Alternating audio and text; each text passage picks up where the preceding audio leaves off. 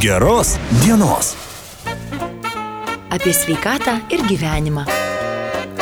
Vidurvasario karščiai, be jokios abejonės, alinantis ne tik žmonės, bet ir gamtą. Na, o kokie poveikiai mūsų sveikatai ir be jokios abejonės, ar tai sukelia problemų, geriausiai žino mūsų pašnekovas, Lietuvos apskrities Stasių Kudirkos ligonės direktorius pavaduotojas Dmitrij Kačiūrin. Dmitrij, laba diena. Labą dieną. Tikiuosi, karščiai jūsų nekankina, bet be jokios abejonės vasara tai yra atostogų metas, tai ir gydytojai, ir kitas personalas atostogauja, tad mūsų pokalbį norėčiau pradėti nuo to, ar daug besikreipiančių, ypatingai šiomis karštomis dienomis dienomis į Stasio Kudirkos ligoninę dėl karščio poveikio, nes kai kuriuose e, ir Europos šalyse, na, netgi štai Japonijoje daugiau kaip 4,5 tūkstančio žmonių paguldyti į ligoninę dėl karščio perkaitimo, dėl karščio bangų. O kokia situacija pas mus? Dar kartą labą dieną. Aš kalbėjau su skyrius vedėjas, šiaip kas, kas ryt pas mus tokie pasitarimai vyksta. Nu, žinokite, tokios problemos kaip ir nėra. Pacientų srautas koks buvo, toks ir yra, nu, ir šimto žmonių, bet būtent dėl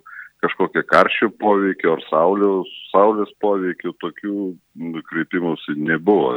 Jeigu buvo, tai matyt vienetai ir neužkliuvo gydytojams. Aišku, vadinasi. Aš kalbu ir apie vaikus, ir apie saugus. Taip, na, svarbu ir vaikai, be jokios abejonės, vadinasi, išmokome gyventi su tomis karščio bangomis ir klimato kaita. Dmitri, bet ne veltui pradėjau pokalbį nuo to, kad vasara tai atostogų metas, gydytojai taip pat žmonės, jie taip pat atostogauja, ar štai pastaruoju metu e, nesusidaro problemos tiems, kurie nori patekti pas vieną ar kitą specialistą, ar tos vasaros eilės neilgėja taip stipriai? Nu, čia tuos procesas, kuris būna metai iš metų, aišku, išeina gydytojus ir, ir, ir tų laisvų talonėlių kaip ir mažiau, galbūt tiek, šiek tiek mažesnis ir kaip besikreipiančių skaičius, o tos eilės, jie tikrai yra ir, ir, nu, ir vasarą kažkiek tai pailgėja. Čia nu, neišvengiamai, aš taip manau. Aš tai praėjusią savaitę kraujo centras teigia, jog ir kraujo mažėja, donorus kviečia nepamiršti savo tos e, šventos pareigos ir vasaros metu. Ar šią vasarą Stasio Kodirkos ligonė, kalbant iš tikrųjų apie tam tikras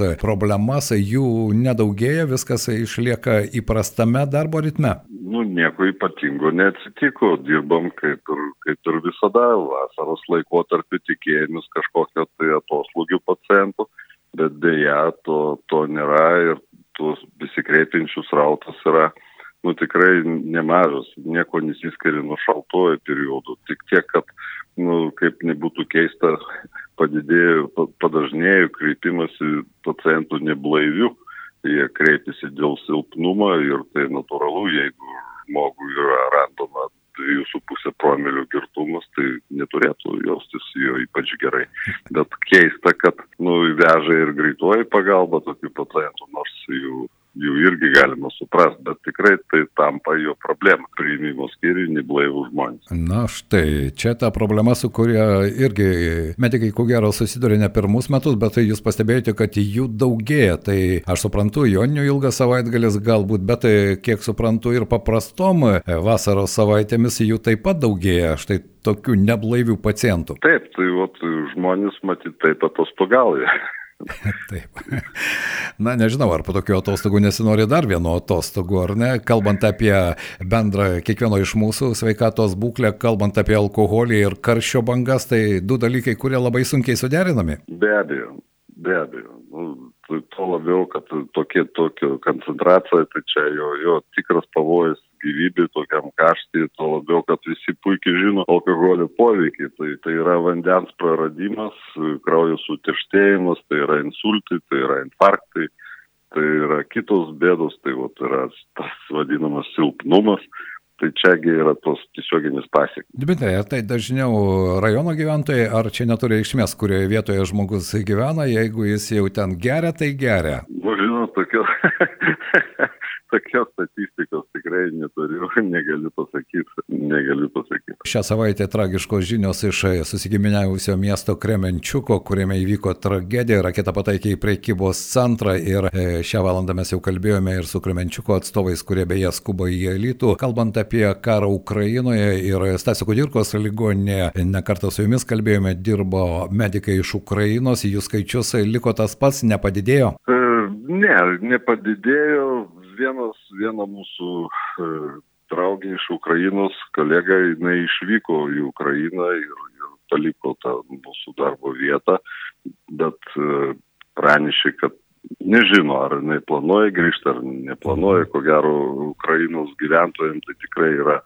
nu, planuot kažką tai ypatingai sudėtinga, tai yra labai skaudu. Namai yra namai, ar ne, kokia ten bebūtų situacija, žmonės vis tik nori grįžti. Štai kalbant apie pacientus, ar e, kreipiasi ukrainiečiai, kurie gyvena Lietuvoje, kai gyvena pietų Lietuvoje? Taip, nuolat kreipiasi, bet žinot, mes jau įpratę ir čia yra tiesiog eiliniai mūsų pacientai ir nėra jokio skirtumo, ar jisai tai ukrainietis, ar jisai ne ukrainietis, jie visi praktiškai drausti ir problemų kažkokiu tai nu, nekyla, nekyla, čia yra eilinis pacientas ir tiek. Dar vienas aktualus klausimas, tai yra gydytojų trūkumas, na, jų trūkumą jaučia regionės ligonės, ko gero, visoje Lietuvoje, Dmitrija, ar vasara tai yra toks metas, kai galima galbūt prisikviesti gydytojų artėjant ir įprastam sezonui, ar tie procesai kažkaip vyksta Stasio Kudirkos ligoninėje ir ar turite, na, tokių degančių vietų, į kurias tikrai reikalingi gydytojai? Tai yra labai labai labai skaudi ir opi tema yra personalo trūkumas kaip gydytojų, taip slaugos personalo dalinai. Nu, žinokit, vasarą tikrai kolegos jauni baigi mokslus, jie jau apsisprendė, jie, jie jau žino ir prieš metus, ir prieš du surado savo darbo vietą ir tokio nebūna bangavimo, kad būtent vasarą pradeda ieškoti jauni daktarai darbo. Tai o specialistų trūkumas e, labai jaučiamas, įvairių specialybių, jisai nėra dar kritinis, bet, pavyzdžiui, nu visi žinom tą temą kardiologo. Taip, taip, taip. Eilės. Bet, nu, kaip spręsti tą problemą? Tai yra labai sudėtinga situacija, labai sudėtingas klausimas, tai yra kompleksinis. Ir savivaldybė siūlo ir, ir būtą tarnybinį ir tam tikrą piniginį skatinimą gydytojams, kurie atvažiuoja elitų. Bet dėja, nu, besikreipiančių nėra taip daug ir daugiausia tai nori e, mokintis rezidentūroje, e, remdami savivaldybę.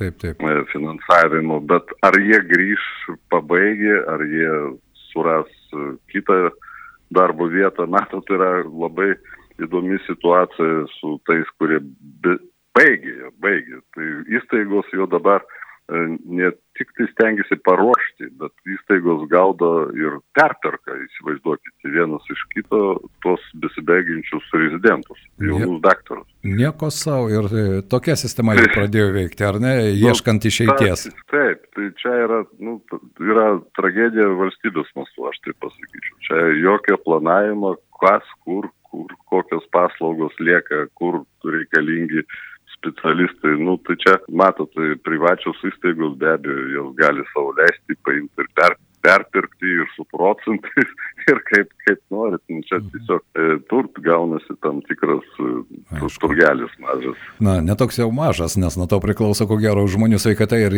gyvybė. Ar vis dėlto kalbant apie jaunųjų medikų pasirinkimą, dažniausiai jie vis dėlto, kaip jūs minėjote, dar besimokydami jau žino, kur jie dirbs iš tikrųjų ir rūpinasi, ar vis dėlto dauguma dar išvyksta į turtingesnės Europos šalis, ar e, daugiau orientuojasi į didžiuosius centrus, tai yra Vilnius Kaunas, Klaipėda?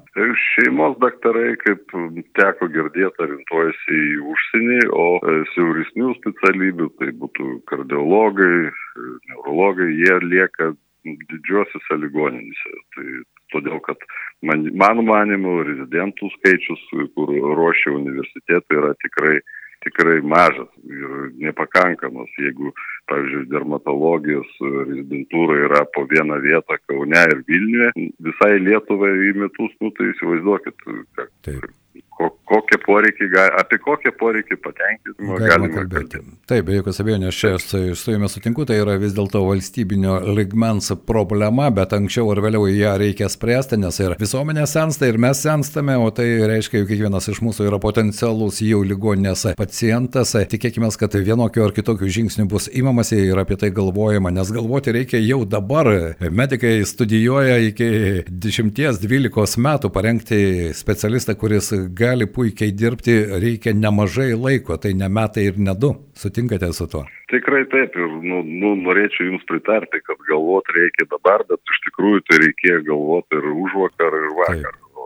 Dar vienas klausimas mūsų pokalbio pabaigoje su Stasio Kudirkos ligonės direktoriaus pavaduotoju Dmitrai Kačiūrin. Kaip ten su dalininkais? Ar tas procesas kažkokiu būdu pajudėjo ir ar konkursas ligonės vadovo postui taip pat jau startavęs? gerbiamas Liudai, aš vis dėlto esu pavaduotojas medicinai.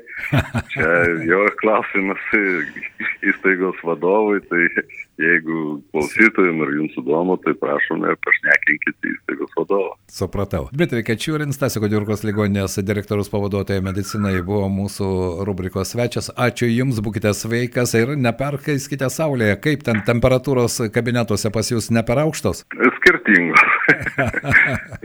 Būkite sveiki ir Jūs. Ačiū Jums. Na štai tokia situacija, kalbant apie vasarą ir, žinoma, sveikatą bei medikus. Apie sveikatą ir gyvenimą.